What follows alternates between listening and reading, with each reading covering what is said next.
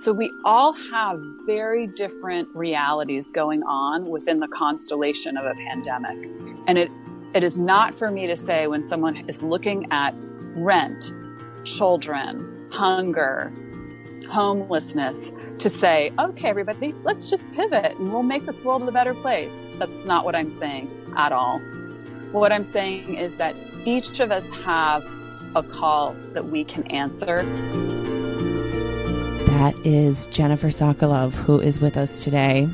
I almost didn't record any episodes. I could hardly pick my head and my heart up off the floor during this pandemic to be completely in the game. And then I decided who is in the game right now. This is our current reality, and that's not going to stop me from putting out episodes that can support all of you. I've known Jennifer since she helped me through my own moment of grief and instability when we moved to New York, and she is a healer of epic proportions. So to have her with us is an honor, but also that she has taken her practice virtual for the first time is a gift to all of us.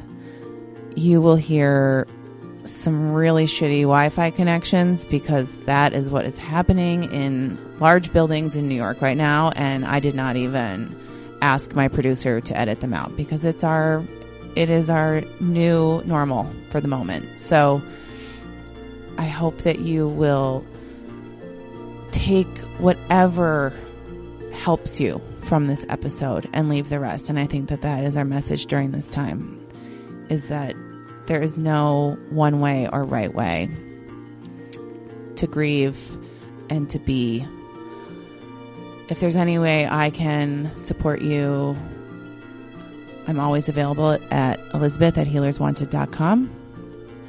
You can subscribe to our newsletter right now, and I really encourage it because we are gathering up all of the incredible things that our practitioners are creating and offering during this time. And it's really heartwarming, to say the least, and humbling because they're so generous. So with that, I'm going to I'm going to take us to the episode. I'm Elizabeth Kendig and this is Healers. Well, live from New York. Here we are. Oh my goodness. Welcome to the show. I am recording. Thank you so much. It's really wonderful to be here with you today.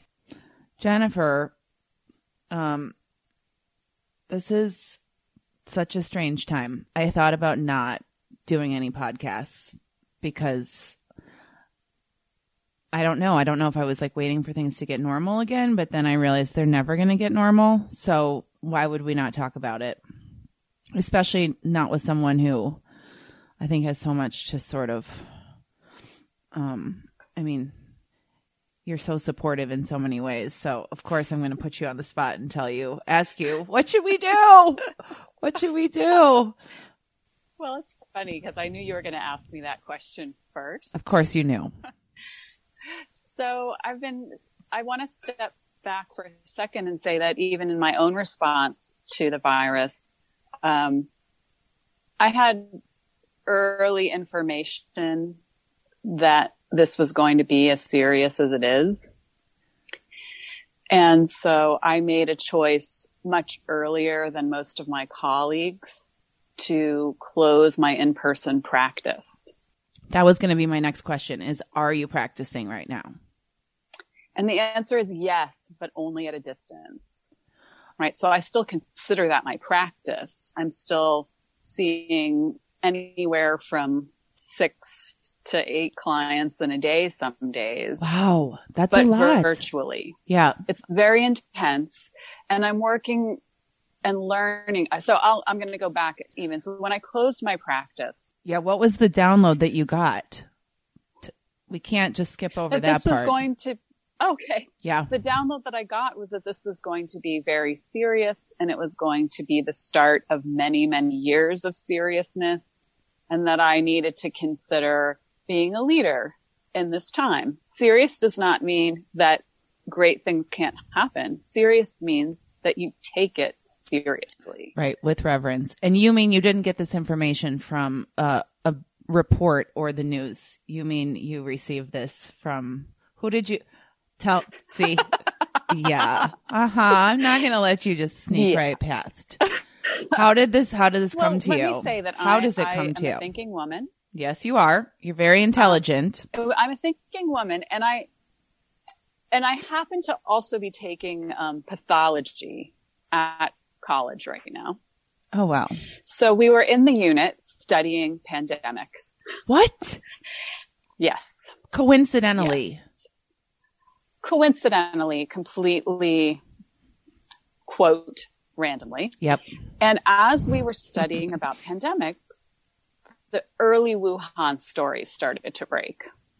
And I have my handful of sciency journals that I read that are very high level and complicated. And I'm not a scientist. I want to just preface that for anyone listening. But I have a fascination and a deep belief that science is a very spiritual and important calling.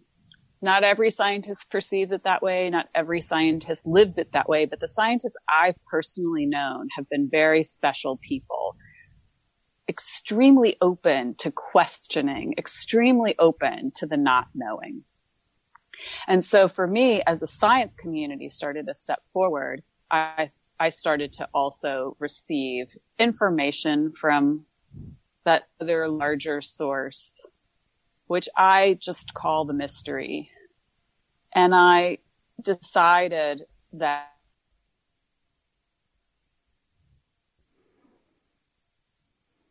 I lost you.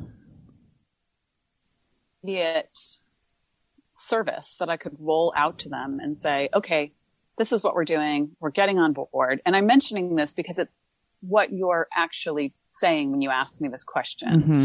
which is I watched my colleagues who are in healing arts, who are in movement arts, who are healers and movers and um, artisans of all sorts immediately try to dive into some monetizable service so that they can stabilize and support themselves totally valid response. And I felt like I personally couldn't do it. And it took me a couple of weeks of sitting with the turmoil internally before I was able to identify that I couldn't move forward because I was in mourning. I was in mourning for the life that I had largely created for myself and would need to rapidly adapt and pivot into something else, larger, I hope, but something else to be able to respond to the work that needed to be done right in front of me. But I needed that grief and I needed that mourning. Once I was able to identify that need and begin the grieving process, I was then able to shift into what is to become my new offerings. Okay, so the first so thing I want to say to everybody is we don't have to rush if we don't have to rush. This is Indra's net. So we all have very different realities going on within the constellation of a pandemic. And it it is not for me to say when someone is looking at rent, children, hunger, homelessness, to say, okay, everybody, let's just pivot and we'll make this world a better place. That's not what I'm saying at all. What I'm saying is that each of us have a call that we can answer. And if that call is to, like for me, show up to a job and work very, very hard even at my own expense on occasion. That is my calling and that is what I will do. And everybody has that, even people who are delivering our mail, taking away our garbage, shipping all these packages all over, struggling to get food planted for next year. right? These are all our immediate callings and we answer those calls. And for some of us, there can be all kinds of other experiences that happen that when we are going from uh, the ashes to either what I want to call rebuild or reimagine paradigms. And I think both of those things are going to be happening simultaneously. So I resist any notion that we're only going to reimagine or we're only going to rebuild. We're going to do both. Yeah, and there's going to be phases to that. that. We want to look at is we exactly. have a we have a delay because in our Wi-Fi right now between the two of yes, us. This do. is this is because you are in New York in a building. I mean, everyone is on their Wi-Fi right now. So, um, yes. and I'm going to explain up front that this is we're just we're not. I'm not even going to attempt to edit this. This is just like what's happening right now for us. so, so it's not going to be the usual smooth produced episode. Uh, it's just, it just can't be. I'm not, it's not worth that. Um, when this is what we're dealing with. So, um, I apologize to everyone listening that I'm sometimes going to sound like I'm talking over Jennifer and I'm not. And she is not talking over me. We're just, we just have the connection is like weighed down by the weight of the world right now being online. So, um, yes. Yes. So, right. So there, but since I've got you, there is, I've had this conversation. I've heard this from so many people, this pressure to pivot, this pressure to do something with this time to whether it's, you know, I feel like I'm supposed to be doing more, right? Like, or for some business people, how, like some of your colleagues, how do I, um, utilize this? Not, I'm not going to say take advantage, but, um, I think most of us just want to be of service. And so, but the grieving and the stress and the sadness and the loss is happening simultaneously with that, um, with that thought process. So, and it's happening all so quickly. So I don't have a question in there per usual. Um, but thank you for giving, I guess I want to say thank you for giving us permission to, to take that time to grieve. Cause you can't move forward without that. You can't, there isn't, there isn't a call to answer. There isn't a way to be of service unless you're grieving too. I also believe that the grief allows us to be empathic with each other, to find each other in other parts of the constellation. If we don't take that time, then we essentially drive ourselves into the same silos that I think this virus is trying to call us out of. I mean, not like I'm embodying the virus. I don't mean it that way, but I mean that, that the situation or the circumstance is giving us an opportunity to move beyond our individual tracks in life. Don't you already see that and feel that? I, I, people are having picking up the phone or getting on Zoom with friends and family that they normally would not talk to on a regular basis or that they just feel compelled to reach out and say, how are you? I love you. I miss you. Um, and then in the work, in the workforce both. too, we're collaborating more. I mean, I think it's both. I think there are also couples in crisis because they're forced together in ways that they're not accustomed to being. There are families in crisis because suddenly we're asked to be a master chef, a leading educator, a perfect entertainer, and we're not equipped to do that. Uh, I was laughing because I can't remember the last time I cooked and cleaned solidly three meals a day for myself. And there's so many nights where I just think, I am just going to skip dinner because I can't bear to think of doing those dishes. yeah. And that, that sounds so ridiculous. No. I'm meaning it to be humorous, but it's down to the minutia of how we've crafted modern lives in ways that may be so harmful to the entire net. So are you seeing also I don't want to joke, but it's but I can't help it and there's been some really kind of humorous um posts about like about for spouses in particular that there are going to be there are going to be COVID babies and COVID divorces. There there is so much happening under one roof. I have heard of one couple who just texts from the other side of the house because they cannot, they they can't stand to be together, you know, long enough, and now they're stuck together. So, are you, are you seeing? Um, do you have clients that you're having this conversation with, and how are you helping them through? Um, I think of those breakdowns as healthy, um, and this is forcing some of those for a lot of families. And there's not, there's, it's hard to generalize, but one thing I noticed is that parents are having a very difficult time carving out adult time together. So I had a joke with one of my clients. Can you like either lock all your kids out or lock them all in and have a date with your husband? I think there's something really important about finding ways to still make adult time if you're suddenly having to perform all of these additional hands-on tasks with your kids. I think there are deep marital conflicts that have been going on for a long time, but couples don't have a way to to offload some of their stress and anxiety because they can't, let's say, go to the gym or they can't go to the office. And so kind of working with how to soften some of the reactivity around that um, and oftentimes the ways, just like with grieving, the ways that we cope with anxiety and fear can be very antithetical in a partnership because in good times, that actually makes the partnership work. Yes. One person responds with intensity, one person relaxes, and all of a sudden there's a kind of balance to be achieved. But in times of great stress, that can often work against a couple.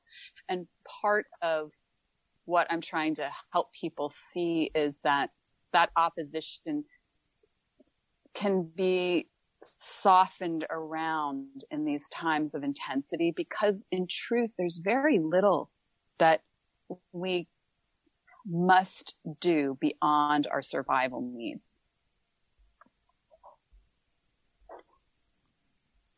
I'm the letting that hang out that there. We have to be in a doing state and not in a being state.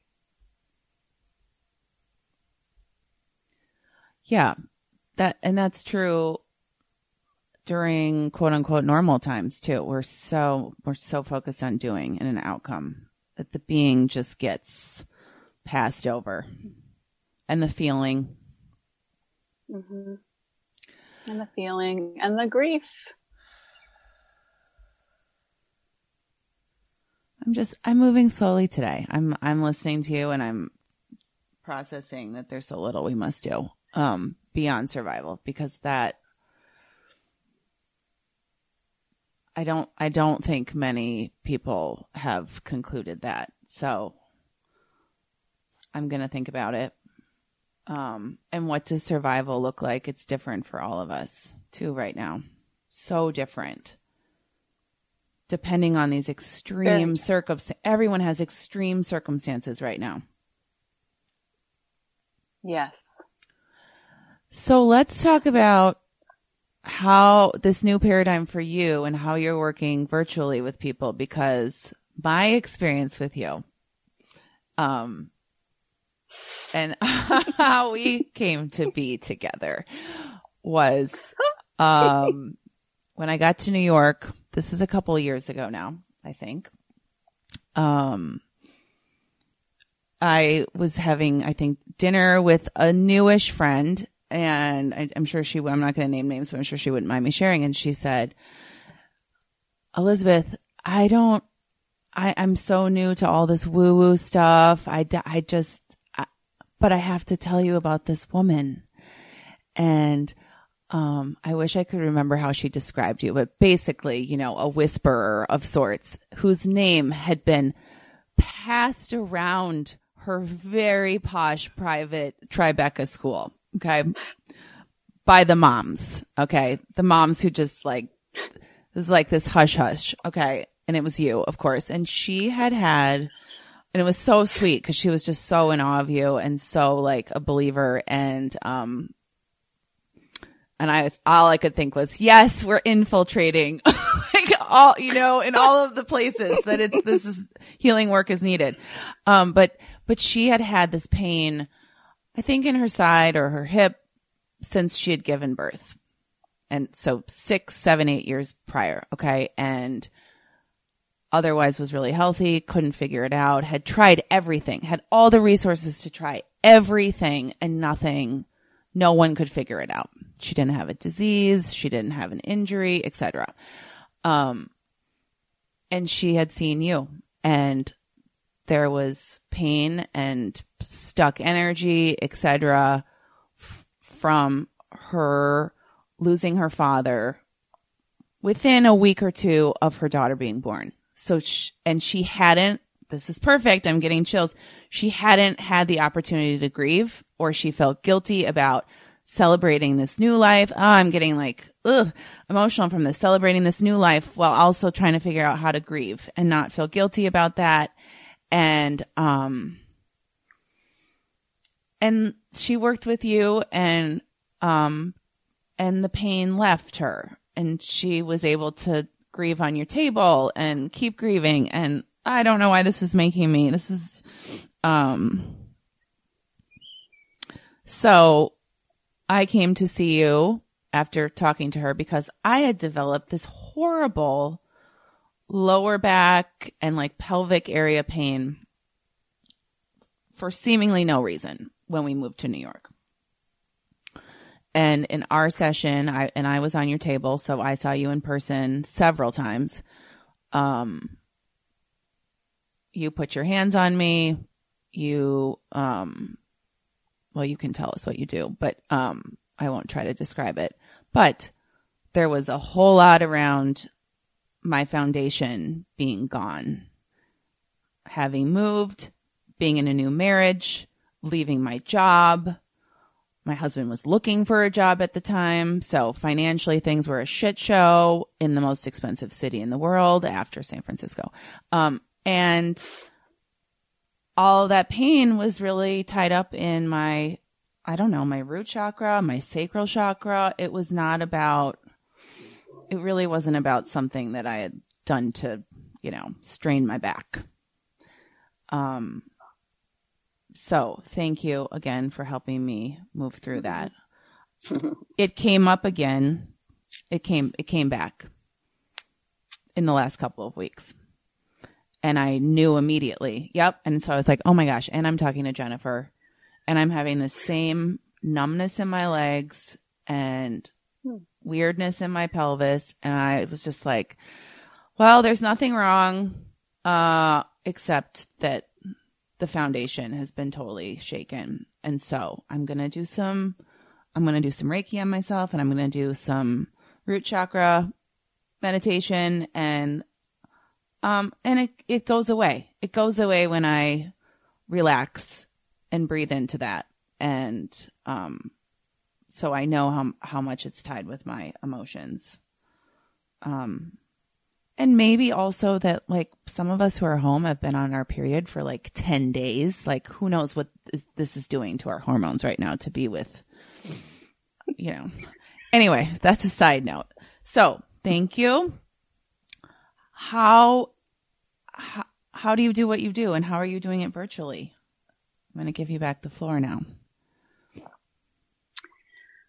I'm prefacing a little bit with my process just so that I can hopefully um, hopefully like help others see a way through Perfect. as well as do what they do. So I went through those weeks of grieving. I realized what was happening and I decided to look at what my biggest fear was around my work because I've always been a work identified person. Work has always been the cornerstone of how I relate to the world.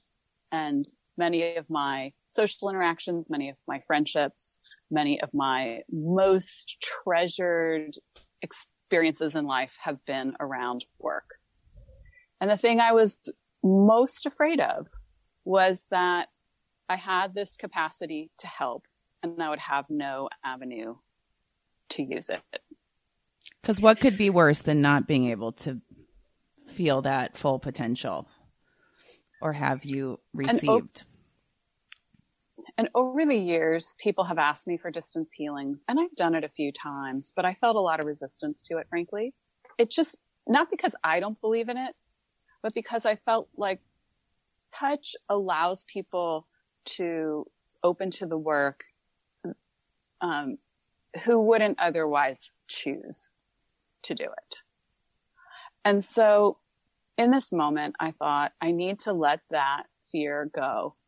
And I need to hope that there are enough people who would want that experience, even at a distance, that it wouldn't impede.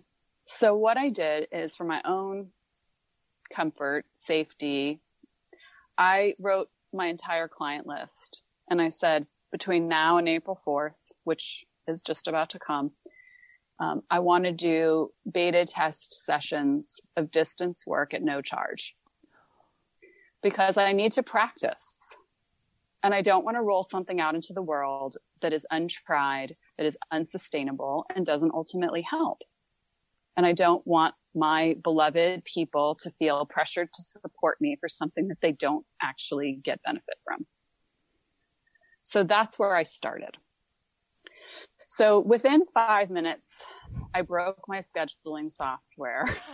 I am not surprised at all by this. Because everyone leaped onto the schedule. Well, everyone trusts you. I mean, this is, I'm and so happy you I, got to see that. It's the trust, but it's also for me. Like I need that assurance that what I'm putting into the world is of the highest quality that I'm capable of offering. And I've already now had a couple of sessions with a few of my clients at a distance and they are, they're remarking on my improvement. So I recognize I'm in a learning process, but I feel confident enough now in what I have learned to put it forward. And then I changed my fee structure. So I'm able to meet as many needs as possible during this time. And then I started to find my process. Uh, and I can talk more about that if you, if you'd like. Yeah, I, yeah, definitely, because we haven't given you sort of, you know, a full intro. Um, because I know you as, as hands on cranio sacral.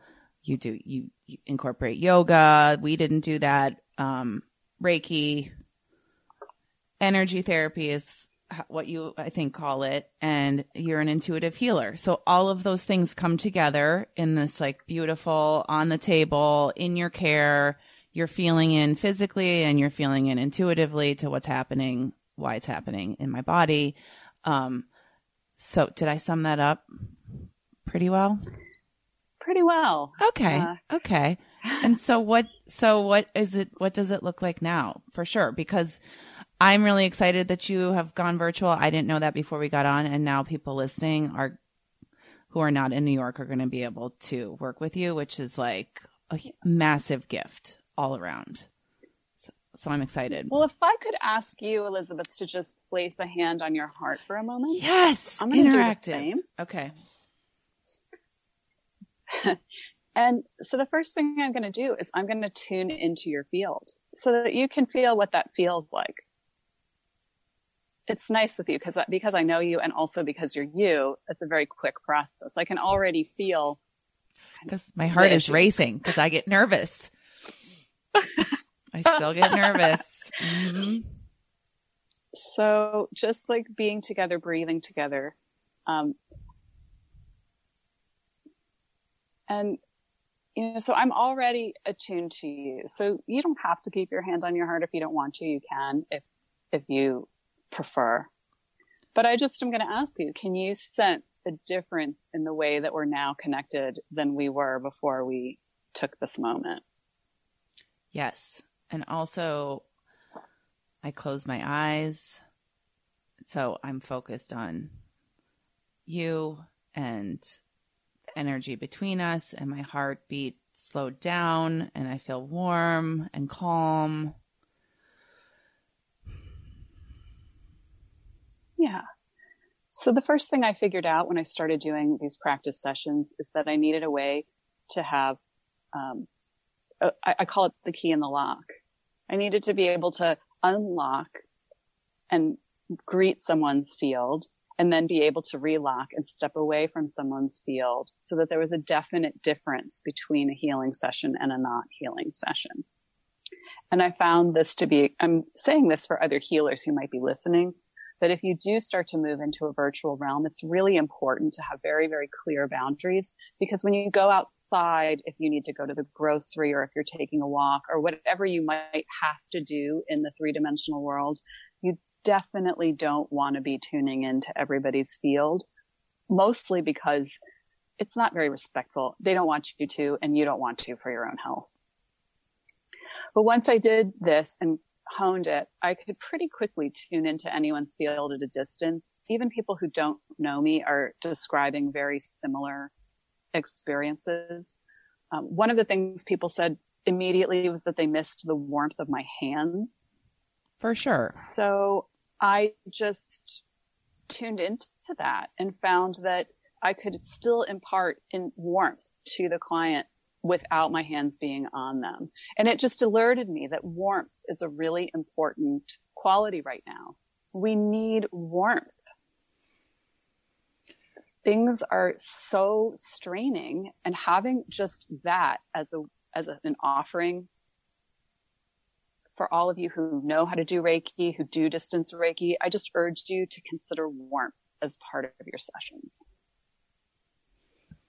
That makes total sense. I mean, in it, in a more literal way, I think of, I mean, you have on this cozy blanket. I keep reaching for one. I've, all I've purchased are joggers, like sweatpants for the first time in my life because we need to be wrapped in it. I've never like, I'm a cuddler, but I am so happy when my dog is like right up against me right now or my husband is holding me. Like we are definitely mm-hmm. all craving it the yeah. warmth. Mm-hmm. And then something I noticed is that um, the the felt sense for the the client was very similar at the end of the session to what they would have experienced in person, but the process of a session feels very different to them. So that's what I've been working to articulate both for myself and for the clients so that have a language about how to understand their experience. And that's what I started to know is the reason I was afraid of it is because I didn't know how to help people know what they were experiencing and to frankly make clients comfortable with a very strange personal moment of understanding that the time space continuum is not what we think it is. Say more about that. It's huge. Well, if you can have a person anywhere in the world sit across from a screen, tune into your field, feel sensations that you can both verbalize and agree upon, and then feel shifting, changing, and actual healing, and then separate from a person who you may never see again in your life that is an exceptional experience. Yeah, that's a and powerful that container. starts to allow us to tra- There's our delay. Mm-hmm. Yeah, one that you hope. And one that I hope mm-hmm. that will start to allow us. Uh, um, one that I hope will allow us to start the reimagining, reinventioning process in our life with a slightly expanded, more curious mindset. Heart set. Heart set. I love that. TM. That's yours. what are you experiencing when you're in session? Well, this is a very interesting little tidbit. Uh, I I live across the street from a very large park in New York, Prospect Park, for those of you who know Brooklyn. That's where we lived. Yes. I'm so jealous you have that right now. I'm like a little squirrel. I've I've lived here for so long now. I know every crevice of that park. So I'm hidden away. I'm there all the time, but you won't know that I'm there. And I was walking and all of a sudden I had this urge to just sprint down this wood, woodsy path. And uh, I have not, I used to run when I was younger. I haven't in a number of years. And the thing I immediate, immediately noticed is that after doing so much distance work, my heart and lungs were completely free. I could run so fast, so much faster than I have in my recent memory. And I felt I wasn't winded. I was walking with someone, I want to say like four or five months ago, noticing that I had kind of quote slowed down, but no more. And so the work changes the physical body as well. It's just that what I'm finding in distance sessions is that the order of those changes happens differently. But I notice that my heart and my lungs, organs of expansion, compassion, empathy, and grief are very alive and attuned right now. And I started to then see the potential for some other major um, arenas for me to work on both in myself and with my clients. So, what are you working with? What are you working with right now in terms of what are people coming to you with? Are they the same thing? a couple of different or, tracks. Okay. One of go go ahead. Um, I was just I was uh, curious uh, if it's ahead, yes. changed because of what we're all experiencing, or if it's the same sort of themes but at a heightened state. Uh, I'm going to divide that answer into a couple of different parts. The the first part is that with the lack now of ability to receive any kind of services or care, the conditions that people had before COVID have only been exacerbated by both stress and anxiety, inability to receive care, lack of basic services, um, difficulty finding, getting, and affording medications, uh, changes in sleep, diet, stress levels, etc. So one of the tracks that people are coming to me for is to help them with these conditions that they are already working with, but now having to work with in a new way. And some of those are physical, some of those are mental emotional. On the COVID side of things, where what I'm noticing is at first everybody came with high levels of anxiety. Now people are coming in with high levels of anxiety and high levels of fear. And so what I'm working with is trying to help ground those two primary and in my view, very natural responses to what we're going through so that, that people can resume a little bit more of their creative selves and find just ways to support themselves more pleasantly, efficiently, sustainably in this time. Yeah, the fear is that makes total sense the fear that this is going to that this is n- not going away soon and the the long-term effects are starting to really show and sink in for people. And I also want to say we're at April and we're at April 1 today, right? So for a lot of people in large cities, this is rent day in every aspect of their life, rent, bills, all of it. So you can imagine that like when we all started hearing about this earlier in March was one thing, but as we marched towards April 1, very different realities are hitting people. And it's uh, important for us as healers to be able to sit unafraid of the human condition. And that's challenge. Yes. So when you are in session with someone, what are you what are you doing? I get I love to get granular because people are so curious about how does this work and what are you seeing? What are you feeling? What are you doing? How do you do what you do, Jennifer? Um That's that's a complex question because if I were to tell you, if I could tell you the how, I would tell you, but I don't think I know the how. I mean, I don't know the, or I should say, maybe I don't know the why. I don't know why I'm the person, and I don't know how these gifts arrived in my life. What I know is that uh, I have what I would consider to be more along the lines of clairsentience, which is I have a a very strong knowing about information that doesn't have emotional attachment for me.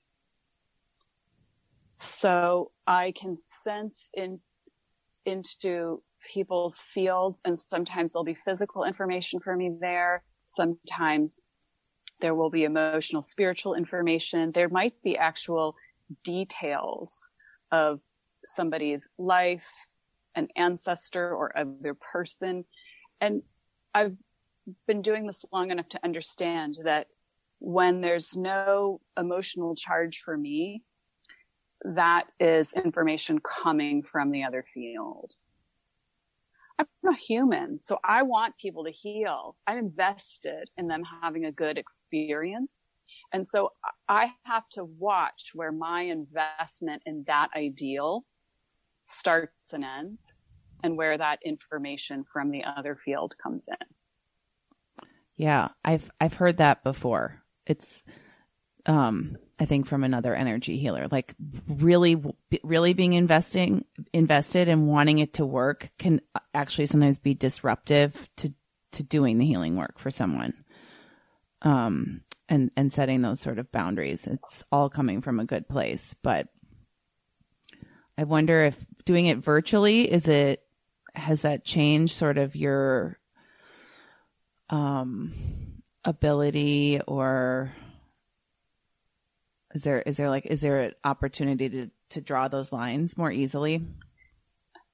Um i wouldn't say that it affects my sense of boundaries but what i have noticed is that the energetic information comes first and then the physical information comes second that makes sense and so people are talking less in their sessions, which is really interesting because their body and the narrative of their body is something we're all very familiar with our body narrative. And so if someone taps into that, especially with physical touch, that immediately starts to come forward. But at a distance, what happens is that the energetic information comes, but none of us know how to talk about that so that everyone doesn't talk. And I'm hoping that as I get more versed, I'll be able to help people find more language so that they can identify these experiences and actually learn to heal like you have healed themselves more at the beginning when they're not in crisis. Um, but that energetic transmission and download and experience that happens uh, at the start and through a good majority of a session clears the body so much faster that when I get to the physical portion, I'm amazed right now at how quickly someone can experience a physical shift. Whereas in person, it was the other way around. It would be this like kind of, I kind of think of it like rough waters. The body would have all these rough rhythms and rough waters and go through all that choppy stuff and the narrative would coalesce. And then at the end, there'd be this expansion into the energy field.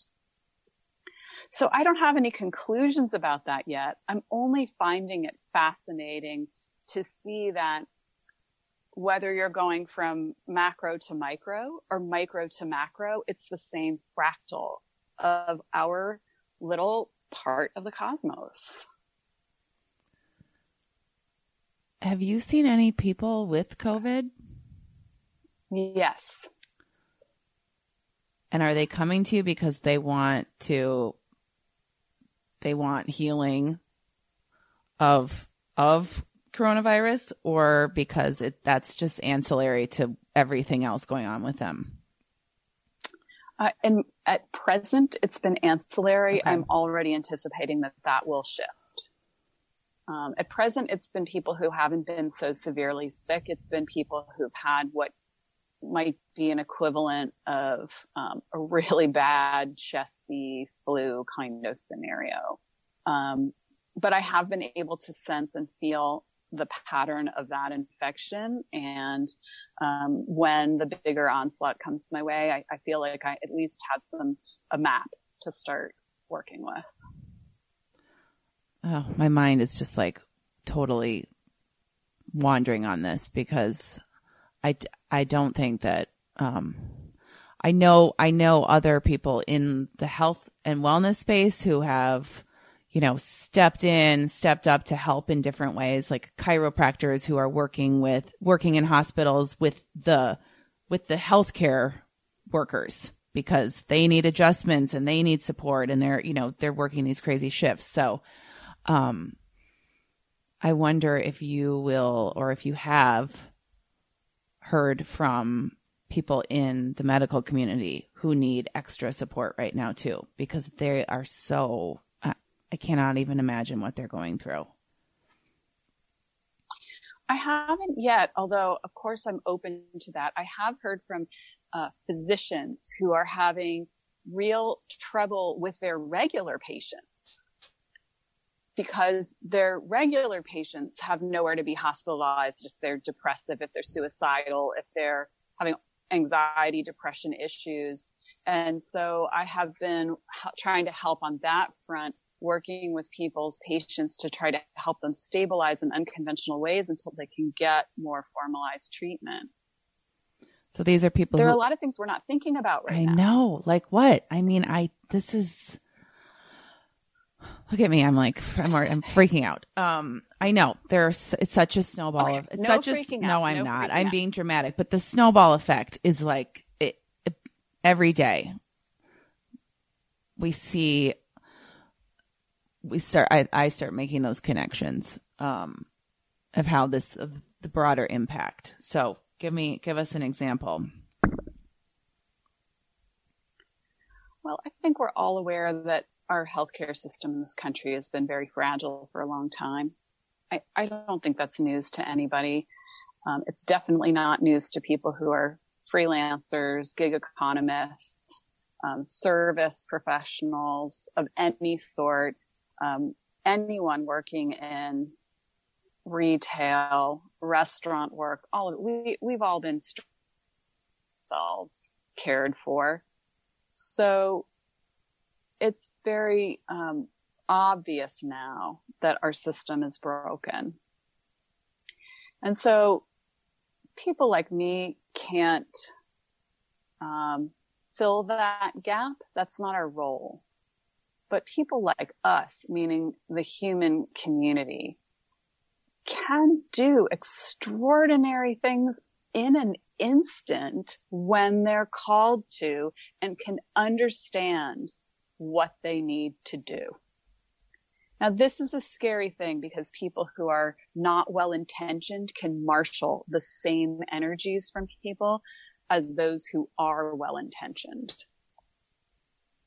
So we need to be clear about the why. But in this time, it would be very possible to start reimagining healthcare.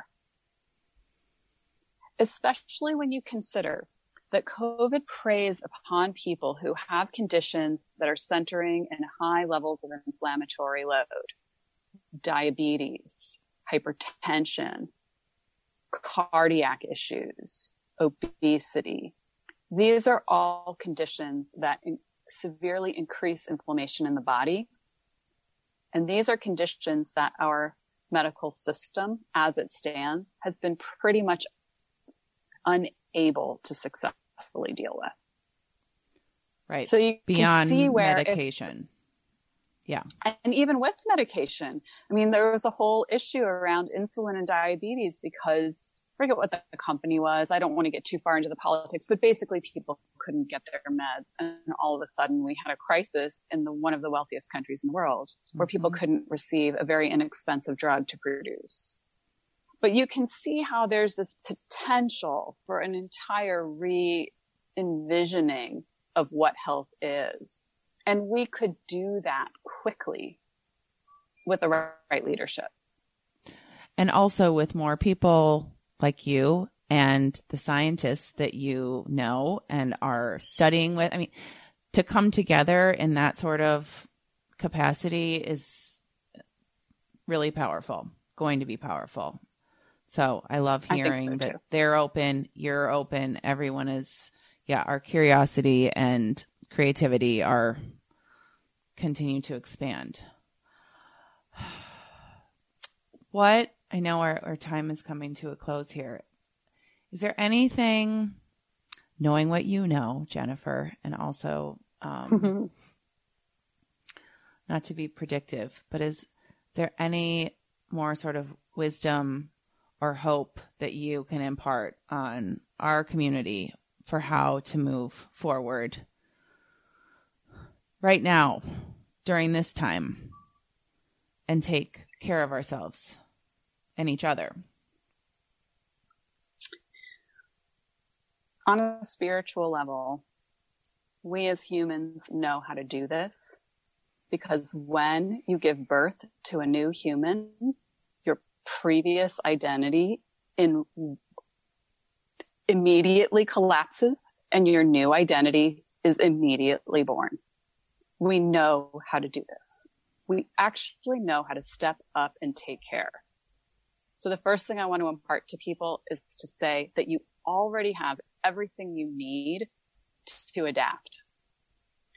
And the second thing I want to say is completely practical, which is that just like any other illness, the best thing that you can do for yourself is very simple.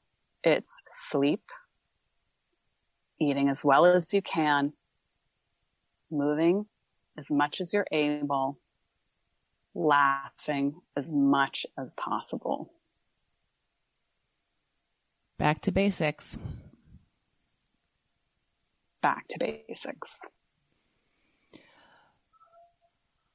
I'm I'm overwhelmed with this time with you. I I shouldn't be surprised. Virtually just as just as potent as in person. So I want to reflect that back to you. We aren't you. we aren't in session, but you are in session right now with thousands of listeners.